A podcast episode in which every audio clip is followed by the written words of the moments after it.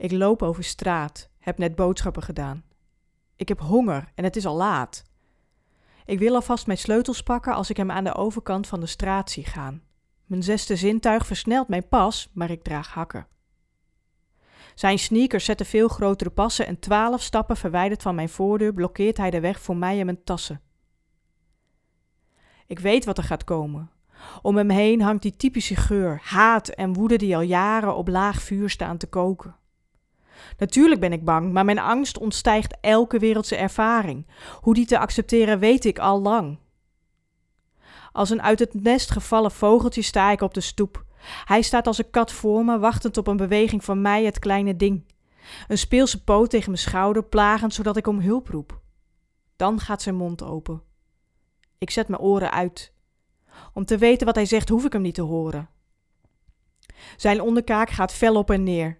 Ik kan zien dat zijn tandarts met regelmaat zijn kiezen vol spuit, waarschijnlijk te danken aan een belabberd dieet van suiker, alcohol en teer. Belletjes zitten in zijn mondhoeken, ze vliegen mee met zijn verhaal. Dus dit is wat ze schuimbekken noemen. De woorden uit zijn mond vormen het standaard riedeltje. Ik hoor hier niet te lopen met mijn damestas en kashmir sjaal. Ik weet dat zijn woorden niet over mij gaan, maar over zijn eigen piemeltje. Desondanks belichaamt mijn lijf de teloorgang van zijn veilige staat. Door zwarte brooks te verruilen voor rode hakken pleeg ik hoogverraad. Mijn aanblik vervuilt zijn straat, mijn straat. Met zijn woorden martelt hij me het liefst weer in het gelid. Ben ik weer een miserig mannetje in lichtblauw hemd dat nu voor hem staat. Maar het enige martelwerktuig aan het werk blijkt mijn knielange rok met split.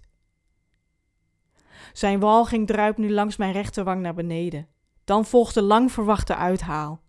De vorige ontmoeting met afgetrainde knokkels is toch alweer twee maanden geleden.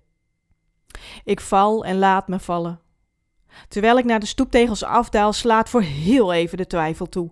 Waarom pas ik niet in een van zijn mallen? Mijn hoofd stuit het na op de grond, maar ik houd mijn ogen dicht. Ervaring heeft me geleerd roerloos te blijven liggen om erger te voorkomen. Zo stil als ik daar lig, zo hard schreeuwt mijn hart woorden aan hem en de zijne gericht. Je denkt dat jij mijn leven een hel kunt maken met een vuist? Geloof me maar, de hel is waar ik 35 jaar in heb moeten wonen. Een leven lang heb ik mezelf verguist. De hel is de lange weg die ik heb gelopen naar het diepste van mijn zijn. Een pad zo vol met gevaren dat de klap van jou slechts een steen is om overheen te stappen. Geloof me, dat pad is waar ik mijn schets van de hel tot in het kleinste detail verfijn.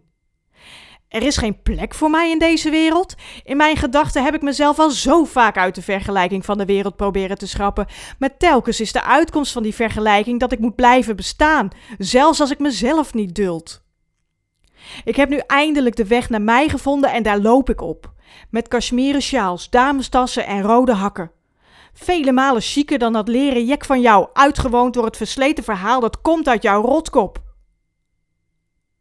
Maar hij is al weg.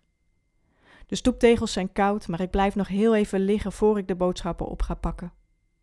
Ik doe mijn ogen open en terwijl ik aan de wolken uitleg dat ik het ook niet kan helpen dat ik ben zoals ik ben, met voorlopig nog die piemel die hij wel had willen hebben, loopt het bloed langs mijn wang naar beneden. Vanavond koken kan ik vergeten. Eerst naar het ziekenhuis. Ach, het was toch al gauw weer twee maanden geleden.